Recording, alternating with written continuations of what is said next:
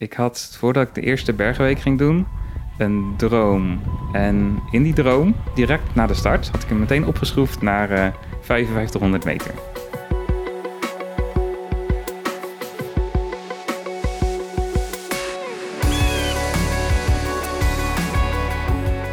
Hi, welkom weer bij een nieuwe aflevering van Vliegpraat. De podcast waar het alleen maar gaat over, juist, paragliden. Gemaakt door mij, Harro Brouwer.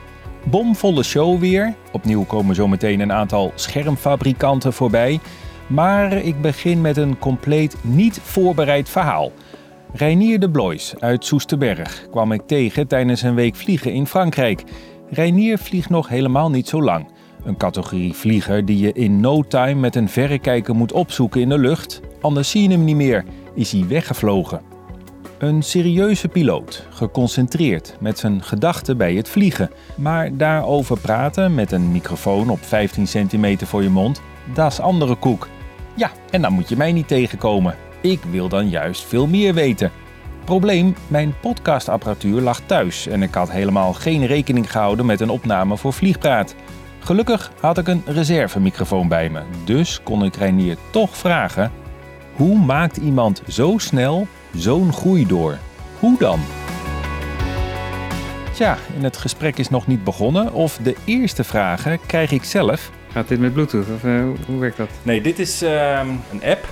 En daarmee kan ik live met elk uh, radiostation in Nederland schakelen. Dus 3FM of Radio 1 of zo. maar hij heeft ook een hele goede op. Kijk, als ik dat knopje indruk, die, mm -hmm. Dan beland ik bij, ik denk Studio 3FM nu, maar dat gaan we niet doen. Maar hoe neem je mij nu op? Uh, bij jou? Er zit er een geheugenkaartje in ja, of zo? Ja, er zit een geheugenkaartje in. Ah, oké. Okay. Gelukkig, een geheugenkaartje. Het gesprek kan beginnen. Ik ben Reinier de Blois. Ik ben 29 jaar. Ik woon in Soesterberg en ik ben helemaal verslaafd aan paragliden. In een chalet in Frankrijk. Als we nu naar buiten kijken, dan uh, begint het eindelijk open te trekken. Bij Samoen zijn we. Wat, uh, wat brengt jou hier? Um, vorig jaar heb ik mijn eerste overlandvlucht gedaan bij éénzelfde cursus op dezelfde locatie. En dat is me zo goed bevallen dat ik dit jaar weer mee wilde. Deze podcast begin ik altijd met vijf vragen. Vraag 1. Hoe lang vlieg je al? Ik vlieg eigenlijk al sinds eind 2017. Daar heb ik mijn eerste liervlucht gemaakt. Uh, dat was zo'n fantastische vlucht dat ik dacht, dit is iets heel bijzonders, hier wil ik mee doorgaan. Vraag 2. Wat is jouw doel in het paragliden? Op het moment uh, ben ik volop bezig met overland vliegen. En ik zou wel gewoon daar verder mee willen gaan. Ja, de 200 kilometer, dat is mijn volgende doel misschien wel. Dat is een best doel. Dat is een best doel, ja. Maar ik uh, denk dat je zelf ook gewoon het beste gewoon ambitieus kan blijven. Als je iets graag wil, dan, dan ga je ook daar naartoe werken. En dan, ja, dan gaat het ook. Vraag 3. Bergvliegen Vliegen aan de lier of soren? Um, het liefst vliegen in de bergen, want dan ben je gewoon van niemand afhankelijk. Als het goed weer is, dan kan je jezelf je eigen startplek uitzoeken en gewoon starten en gewoon lekker lange vluchten maken. Uh, als ik in Nederland ben, dan vlieg ik zoveel mogelijk aan de lier. Uh, ik heb een heleboel vrienden die veel liever zouden soren dan een liervluchtje maken, maar ik, uh, ja, ik wil altijd wel proberen om een lange vlucht aan de lier te maken als ik in Nederland ben. Vraag 4. Welke kleur heeft je scherm en wat voor kleur zou die moeten hebben? Ik denk dat ik helemaal happy ben met wat ik heb. Groen en blauw. Er is wel wat discussie over of dat die groen in mijn scherm nou eigenlijk geel is, maar ik vind dat het groen is. Vraag 5. Wat is je spannendste moment tot nu toe? Ik denk dat dat uh, eind vorig jaar was, in september. Toen was ik voor het eerst zelf gaan vliegen in Zwitserland. En toen, uh, toen was ik omhoog gelopen op een berg, uh, best wel veel moeite voor gedaan. En toen waren we aan de noordkant van een soort zijvalleitje, waren er een paar mensen weggestart. Die kwamen goed boven. Dus ik dacht, ik ga er ook gewoon klaar liggen. Maar tegen de tijd dat ik klaar lag, was de wind, die was helemaal weg. Uh, maar ik had zoveel moeite door gedaan, ik dacht, ik ga gewoon toch starten. En nou ja, er stond geen zoorwind, er stond geen zonnetje meer op. Dat was gewoon een hele slechte beslissing. En ik kwam uiteindelijk niet meer dat verleidje uit. En ik kon de landing niet meer bereiken. En toen heb ik toch aan de zijkant van dat valleitje, ergens op een helling, mijn eerste toplanding noodgedwongen gemaakt. Maar toen zat ik wel even te zweten, eh, die laatste paar minuutjes van de vlucht. Nou, ik bleef wel gefocust op zich, maar ik, ik voelde wel angst. Dit is een reden dat ik jou wil spreken. Want in 2021, dat is nu we deze podcast opnemen, een jaar geleden, maakte jij je eerste overlandvlucht. Dat klopt. Je vloog achter een instructeur aan van Murcie naar Samoen.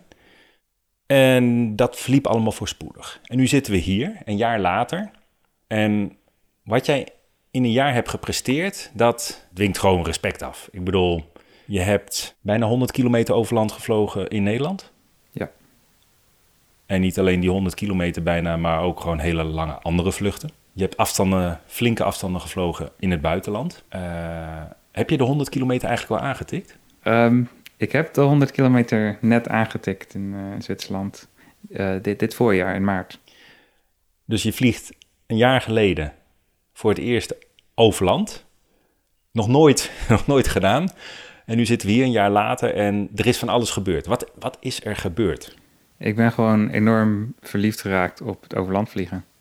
Ik, voordat ik die, uh, die cursusweek had gedaan vorig jaar, mijn eerste overlandvlucht, uh, was ik eigenlijk helemaal nog niet bezig met, met nadenken over, over landvliegen. Maar die, die ene week heeft dat, die vlam zo aangewakkerd dat ik meteen weer een cursus heb geboekt later dat jaar.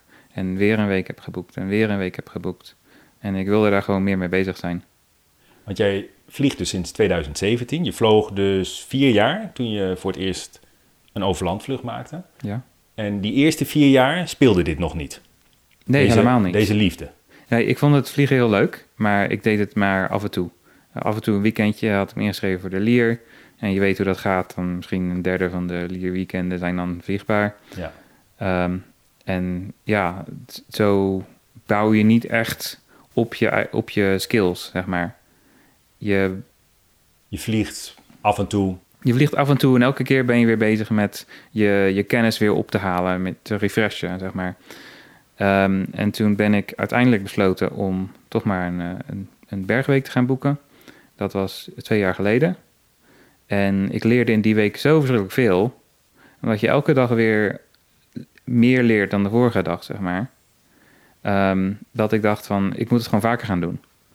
En ik vind het gewoon zo leuk. En die tijd, die had je ook om dat te doen? Ja. Want heb jij een beroep waar je makkelijk uh, kan vliegen? Even Zeker. Weg? Ja, ik werk voor mezelf, in softwareontwikkeling. Ik kan gewoon vanuit huis werken. Uh, en ja, in principe, als het vliegbaar is, dan maak ik de tijd ervoor. En het is gewoon zo belangrijk voor mij. Toen jij gelegenheidspiloot was, hè, was je ook al bezig met het overland vliegen? Nee, helemaal niet. Ik had er eigenlijk nog helemaal niet over nagedacht van uh, wat ik wilde doen als ik nou eenmaal uh, goed kon vliegen en goed kon thermieken en lang in de lucht kon blijven. Kwam je dan op het idee om daar meer aandacht aan te besteden? Nou, dat was uh, best wel grappig, want ik had voordat ik de eerste bergenweek ging doen, een droom. En in die droom was ik ergens gestart, ik geloof van Spijkbode of zo, ik weet niet waar het was. Um, maar ik had net direct na de start had ik hem meteen opgeschroefd naar uh, 5500 meter. Um, ja, heel raar getal, maar... Uh, en daar was ik gewoon ja, op Cloudbase. En toen had ik zoiets in die droom van... Ja, wat nu? Eh, ik zit nu... Ik kan nu gewoon in de lucht blijven en wat nu? En dat bleef me gewoon een tijd lang bij. Van uh, ja, wat kan je nog meer? Als je goed kan thermieken, als je lang in de lucht kan blijven, wat is er dan nog meer te behalen uit het paragliden? En toen in die cursus bij Maurik, vorig jaar in juni, um, werd ik meteen in een gevorderde groep gezet. Want zij delen het op in een gevorderde groep en een beginnersgroep. En die gevorderde groep die werd de taak gegeven om van Mjeusi naar Samoens te vliegen. En ik dacht van, nou, dat is nogal wat. Um, kan ik dat wel? Maar goed, ik heb achter de instructeur aangevlogen en dat was echt een prachtige vlucht geworden. En toen had ik ook zoiets van, oh, dit over land vliegen, dat is zo verschrikkelijk cool. En dat was eigenlijk ook meteen de antwoord op die vraag uit mijn droom. Van, wat, hoe kan het nou verder? Ik heb meteen de volgende bergweek geboekt. Uh, en ik heb, daarna heb ik weer een week geboekt. En ik ben zoveel mogelijk me voor de lier gaan inschrijven. En ik dacht van, hier wil ik gewoon verder mee. Waar heb je die andere bergweken geboekt? Uh, ik heb toen in, in juli een bergweek geboekt met uh, Paragliding Holland. Eh, in Liac was dat, een overland light cursus noemen ze dat. En het doel van die cursus was van, uh, van Liac naar Kook te vliegen. Dat is iets van 25 kilometer verderop. En ja, tijdens die cursus ging het eigenlijk ook wel heel goed. Een groepje vrienden gemaakt tijdens die cursus. En we zijn met dat groepje vrienden zijn we ook nog een keer een paar weekjes wezen vliegen. Had jij toen al een eigen scherm? Ja, ik heb nu twee seizoenen een eigen scherm eigenlijk al. Ik vlieg nu een lage B, een uh, Ozone Geo, een lichtgewicht versie van de Buzz. Oké, wat voor gevoel geeft het als jij over land vliegt? Ik zou het niet kunnen beschrijven, sorry. Ja, probeer het toch maar eens even. het, de vrijheid die je hebt. Je zit in de lucht, je vliegt, dat is op zichzelf alleen al wat. Maar het feit dat je gewoon kunt vliegen waarheen je wil. Als de condities het toelaten, dan kan je gewoon um, honderden kilometers vliegen in bepaalde richtingen. En er is gewoon niet iets vergelijkbaars, vind ik. Aan het gevoel dat je in de lucht zweeft als een vogel en je hebt de vrijheid om heen te gaan waar je wil. Nu hebben veel mensen, denk ik, die vliegen, dat gevoel wel, hè, uh, om dat te doen, maar krijg het nog maar eens voor elkaar. En op de een of andere manier, en ik kom jou wel eens tegen bij het vliegen, of het aan de lier is, of in de bergen. Hij zit bijna altijd boven Jan en alle man. Ik denk wat de belangrijke rol speelt is, ik wil graag. En als je graag wilt, dan grijp je gewoon elke kans aan die je hebt. Al heb je een klein beetje lift ergens, je melkt het uit. Al sta je weer aan de grond, je gaat direct in de rij staan om weer omhoog te gaan leren. En heb je ook het geduld om, om iets uit te melken? Ik bedoel, dat kan soms een half uur, een uur duren. Dat je op dezelfde hoogte blijft. Ik ben iemand die totaal geen geduld heeft, normaal gesproken. Ik zit ook eigenlijk vaak ook het snelst in de lucht. Maar als, het, als er een kans is om langer in de lucht te blijven of verder te gaan vliegen, dan, dan wil ik wel, uh, dan heb ik wel geduld. Om op één plek uh, te blijven waar je op dezelfde hoogte blijft, tenminste. Zeker. Ik blijf er net zo lang totdat ik een mooie bel vind. Maar normaal gesproken heb je daar geen geduld voor. En ik heb het mezelf ook nog moeten aanleren in de lucht. Als ik ergens geen bel vind, uh, niet meteen door te willen vliegen en nog meer hoogte te verliezen. Gewoon geduldig te wachten op de volgende bel. Ja. Als jij gaat vliegen, stel je jezelf dan een doel van tevoren? Ja, dat vind ik heel belangrijk. Als ik geen doel heb, dan verlies ik sneller focus. Ja, zal ik een voorbeeld noemen? Nou, begin juni 2022 maakte ik een, uh, een vlucht van het veld van cloud to cloud. En toen heb ik mezelf twee doelen gesteld. Eerste was het nationaal kampioenschap, uh, de, de taak uitvliegen. Dat was een 15 kilometer out and return. En de tweede taak was dat ik heel graag de 100 kilometer zou willen vliegen in Nederland. En het, ah, ja, ik heb de, de NK-taak, dat is me wel gelukt, maar dat ging zo moeizaam. Ik ben er iets van drie uur of zo mee bezig geweest. Um, en als ik niet ook het doel had gehad om die 100 kilometer vliegen, was ik gewoon daarna gewoon focus verloren en uitgezakt. Want ja, als je geen doel meer hebt, dan denk je van, nou ja, ik heb het, ja, ik heb wel een lange vlucht gemaakt, het is wel mooi geweest, um, dit is wel genoeg. Maar ik wilde zo graag de 100 kilometer halen dat ik gewoon verder ben gegaan. Ik heb een, nog een best wel low safe gehad. En ik ben zo ver mogelijk downwind gaan vliegen.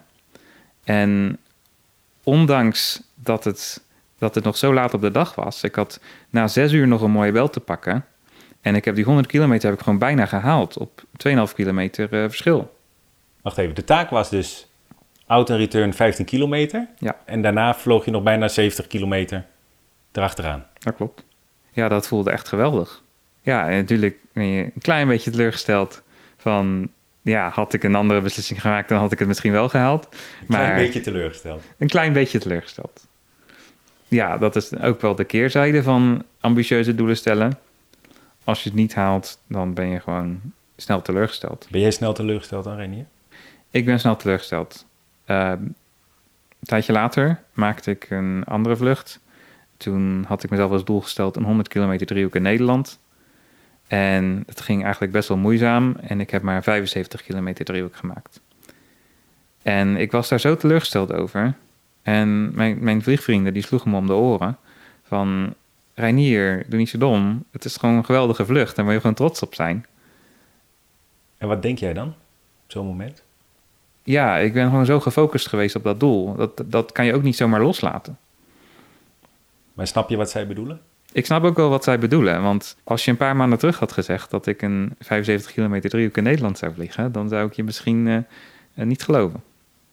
Ja, daar gaat wel wat tijd overheen. Want op dat moment voel je vooral de emotie van het moment. Je bent ergens uitgezakt, je staat op een veld. Ik was toen vijf kilometer voor het Lierveld nog uitgezakt. Dus dat, dat woog ook mee met de teleurstelling.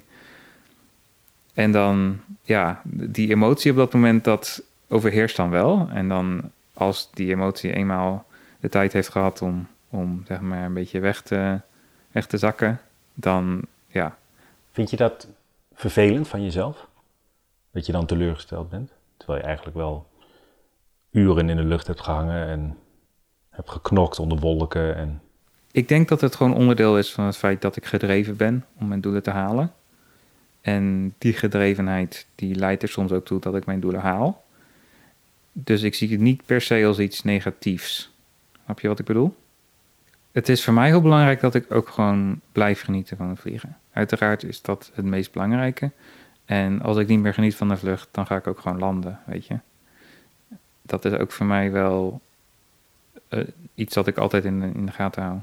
Wat zou je nu het liefst willen bereiken? Nou, sowieso zijn er genoeg overlanddoelen die ik wil behalen. De 150 kilometer, de 200 kilometer, de 100 kilometer FAI-driehoek. Verder wil ik ook gaan kijken naar misschien meedoen met wedstrijden. Ik hoor iedereen vertellen, van, daar leer je zo ontzettend veel mee.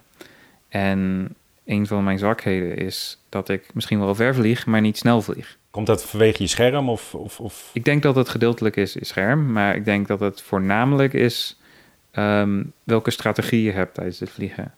Van hoe snel stap je uit de bel?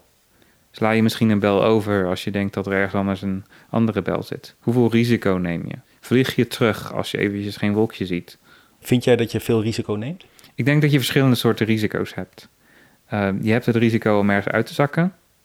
En dat, dat vind ik totaal niet erg. Ik accepteer gewoon, ik heb een ambitieus doel. En de consequentie als ik dat doel niet haal, is dat ik gewoon ergens uitzak. En ergens moet liften of een paar uur in de bus zit of zoiets. Maar dat hoort er voor mij gewoon bij. Dat hoort gewoon bij het avontuur, weet je. Gewoon ergens uitzakken, dat is ook gewoon onderdeel van het leerproces. Je hebt een ander soort risico en dat is dat je gevaarlijke dingen gaat doen tijdens je vlucht. Dat je misschien onder een onweerswolk gaat vliegen. Of uh, in, de, in de rotor, in de leizijde thermiek gaat zoeken of zo. Of met veel te harde wind. Of met veel te harde wind gaat vliegen. En dat zijn risico's die ik eigenlijk veel vermijd. Voor jouw gevoel, in elk geval zit je wel aan de veilige kant. Ik zit zeker aan de veilige kant. En er zijn best wel momenten dat ik een vlucht vroegtijdig afbreek of vroegtijdig omkeer. Dat ik toch een beetje niet helemaal comfortabel ben met de omstandigheden. Uh, ja, maar je, zegt, je zei ook van je wil wedstrijden gaan vliegen. Hè? Zit je met heel veel piloten in de lucht. Ja. Uh, die hebben allemaal dezelfde taak. Ja. Ja. De reden waarom ik graag wedstrijden zou willen vliegen is om te leren om sneller te vliegen. En ik denk dat dat wel op een gegeven moment een belangrijke rol speelt in progressie als een overlandpiloot. Um, want je hebt maar zoveel uren dat het goed werkt, zoveel uren daglicht in een dag. En als je dan eh, maar 10 km per uur gemiddeld vliegt, dan kom je gewoon niet zo ver. Als je 200 kilometer wil vliegen, dan moet je ook gewoon een beetje vaart erin zetten. Wil jij graag de beste zijn? Ja, ik schaam me eigenlijk wel een beetje voor om wat te zeggen. Maar eigenlijk vind ik het leuk om mezelf als doel te stellen van... ik wil gewoon in een bepaalde categorie uh, de beste zijn. Dus jouw leercurve, hoe loopt die dan ongeveer? Ja, je zou het een soort van exponentiële leercurve kunnen noemen.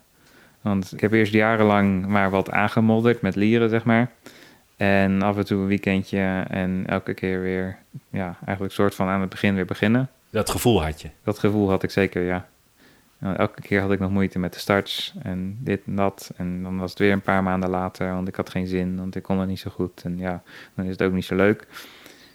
En ja, als je nu kijkt naar wat voor afstanden ik vlieg, dan gaat het wel heel snel in een rap tempo omhoog.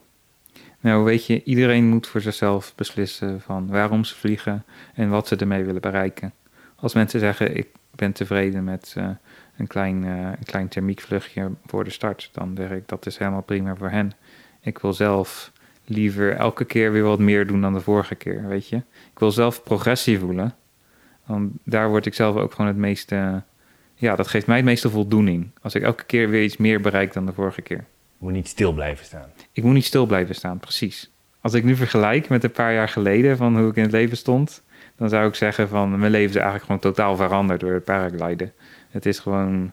Uh, in veel aspecten is het gewoon mijn leven gaan leiden, soort van ja, mijn leven is nu gewoon paragliden en dat heb ik geaccepteerd. Dus dat is, dat is geen probleem. Heb jij een tip voor de luisteraar? Mijn tip zou zijn, ga er gewoon voor.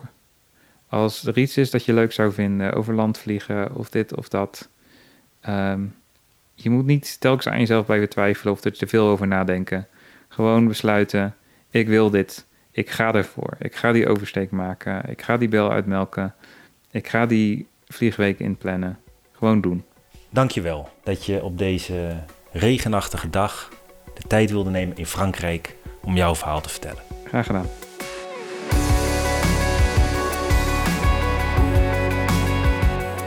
En dan is het nu tijd voor de rubriek Schermfabrikanten aan het woord. Zoveel schermen, zoveel meningen. En die laat ik je graag horen, zodat jij hopelijk een beter beeld krijgt van de mensen achter de schermen. En misschien helpt het je wel in je keuze van je volgende scherm. Wie weet.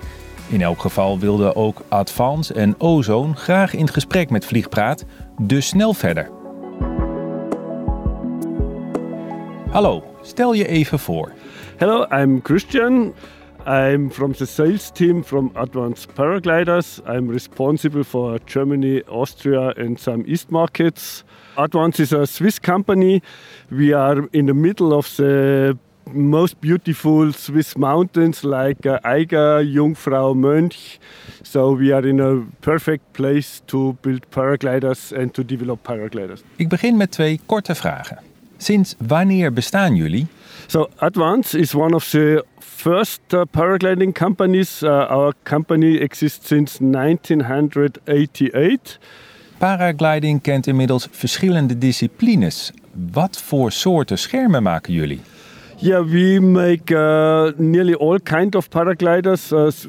For sure, uh, school gliders, uh, intermediate gliders, uh, performance gliders, and also competition gliders. We make mountain gliders um, and also acro gliders, but only for our acro team pilots. You can buy them. Yeah, it's only for a couple of special pilots.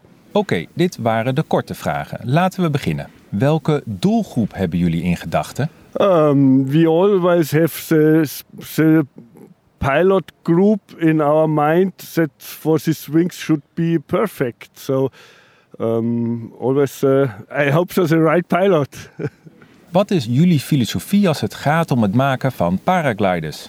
Our philosophy is uh, to make um, perfect gliders, best quality for a, a, price you can buy. So we want to make a Swiss quality and that the pilot get something real good um, gliders. Yeah.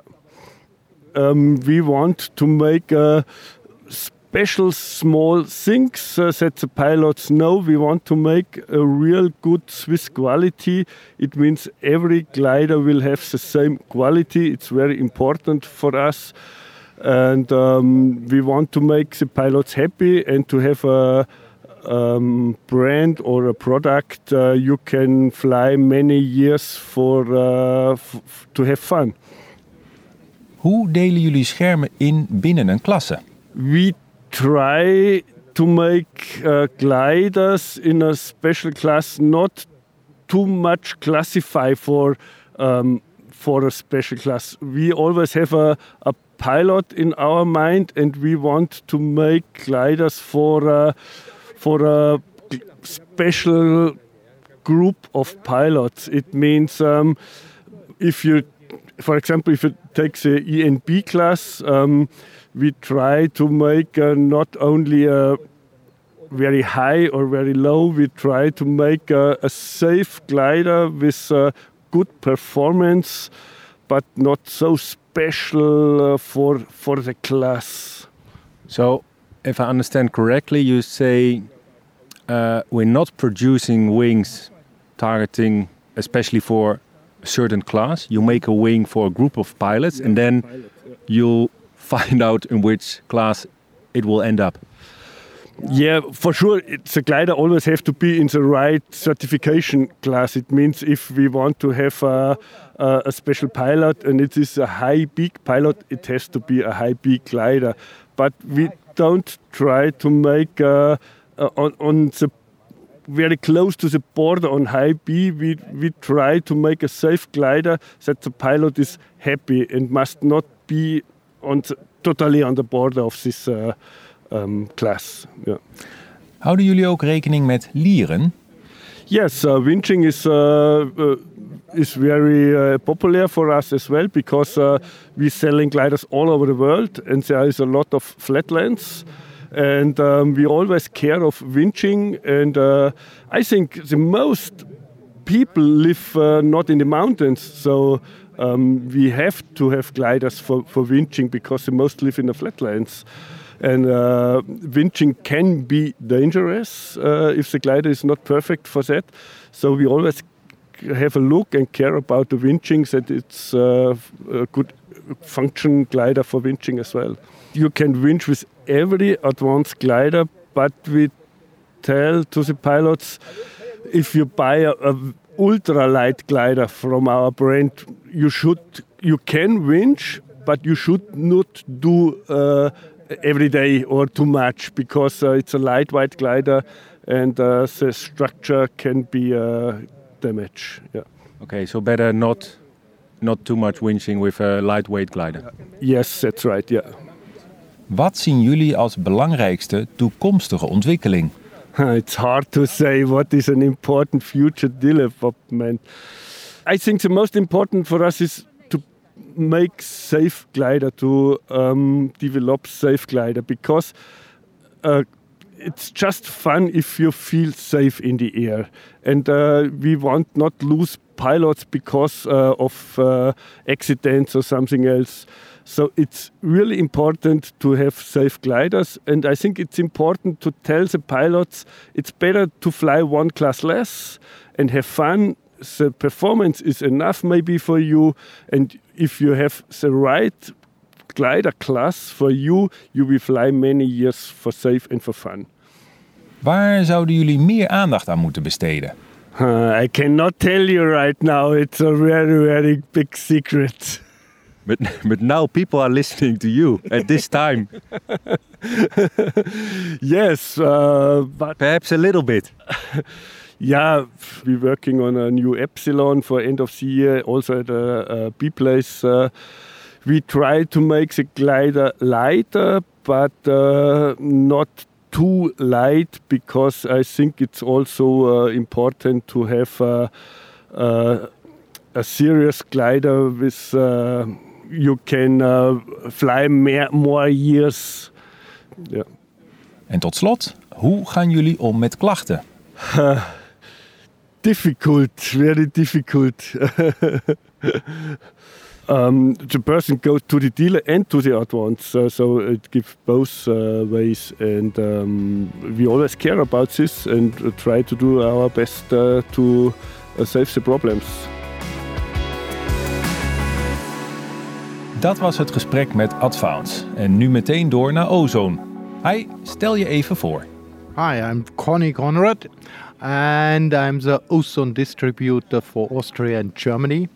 And I'm doing that uh, since ozone exists. I was uh, in that days helping them as well to found this company.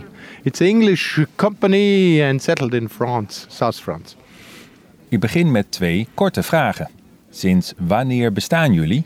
It's now 22 years. Paragliding kent inmiddels verschillende disciplines. Wat voor soorten schermen maken jullie? It's uh, all, all kinds of uh, paragliding. It's paramotor, it's speed, it's mini wings, it's uh, the light stuff. I think uh, we was uh, very first uh, with certification, and so we have some years always in front of the others. And so even our competition wings are just in light materials and we know what to do. Dit was de introductie. Hier komen de vragen. Welke doelgroep hebben jullie in gedachten? We produce and develop for everyone who loves to be in there. We have in, in the, let's say, in, because everyone knows we are really in front of all in the competition class and in the high performance class. But uh, just take the ENA. We have one, two, three, four wings, different models. So it doesn't matter in, in which class you, you want to fly, we have the right wing. Wat is jullie filosofie als het gaat om het maken van paragliders? The love of flying. Everyone in the team still is uh, pilot, pilot, pilot. And look at that. It's uh, you can't see it now, but it's uh, yeah, it's uh, from from the early beginning of our company. It's uh, Che Guevara para to the people. this is our main thing, pilots to pilots. Hoe delen jullie schermen in binnen een klasse? The one is uh, just mm, maybe the special wing for training hills and for the first big flights. The next step is a, a wing many pilots can fly years. And then we have the same in light. We have uh, very light two kilogram um, wings for hike and fly, but with the safeness of ENA. And we have this uh, high A even in light. So if someone has not the possibility to fly many hours every year, he can be happy with this wing for all his his life in paragliding. Houden jullie ook rekening met lieren? Uh, nearly all of our wings uh, you can winch. Nearly all, but not all. Not all. It's very special wings. Um, you, no one wants to tow. Wat zien jullie als belangrijkste toekomstige ontwikkeling? Safeness. Safety, safety, safety.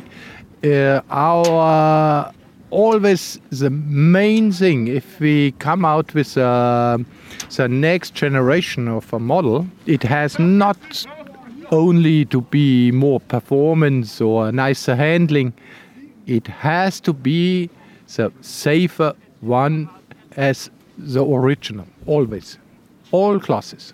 Big, big goal. It's the first thing in any, any designs.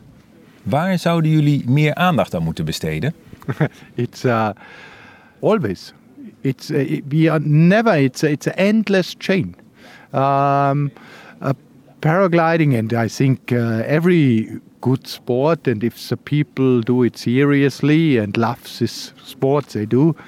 It's an endless chain. You are never say now we have it and we don't need the next step. We will always find something. En tot slot, hoe gaan jullie om met klachten? No problem at all. We, we do, don't give uh, a claw guarantee two years or whatever. But for example, example given. Um, you have, let's say, a 12 year old ozone wing in Germany and Austria, and you damage a line. You get it for free it's a nice example because I think we are exceptions that we, we even if a wing is uh, older as 10 years, we deliver a broken line up to three lines um, for free. If you are in a rocky place and you do shitty launch tryings and you damage the wing and you need 20 lines, no, it's not ozone fault. so it's a pilot. And so I I don't have to discuss with the pilots. The normal thing is the pilots when they damage something, they are most of the time they are very happy that we are so easy with with little damages. Thank you very much. Welcome. Tot zover deze vliegpraat. Laat even een recensie achter als je het een leuke aflevering vond. En als je zo blij wordt van deze podcast en vindt dat je wel iets zou willen, moeten, kunnen doneren, zodat ik Vliegpraat in mijn vrije tijd kan blijven maken, zeer welkom. En makkelijk geregeld via petjeaf.com slash paraglidingvliegpraat. Tips of vragen zijn altijd welkom. Makkelijkst via mail naar harroapenstaarthebmp.nl. En vertel je vrienden over deze podcast. En hol ook even naar je buurman of die vriendin waarvan je weet dat die ook wel eens ademloos staat te kijken naar een banaanvormig scherm in de bergen of hier in eigen land. En voor nu, droom lekker over die thermiekbel die je naar ongekende hoogte voert. En tot de volgende!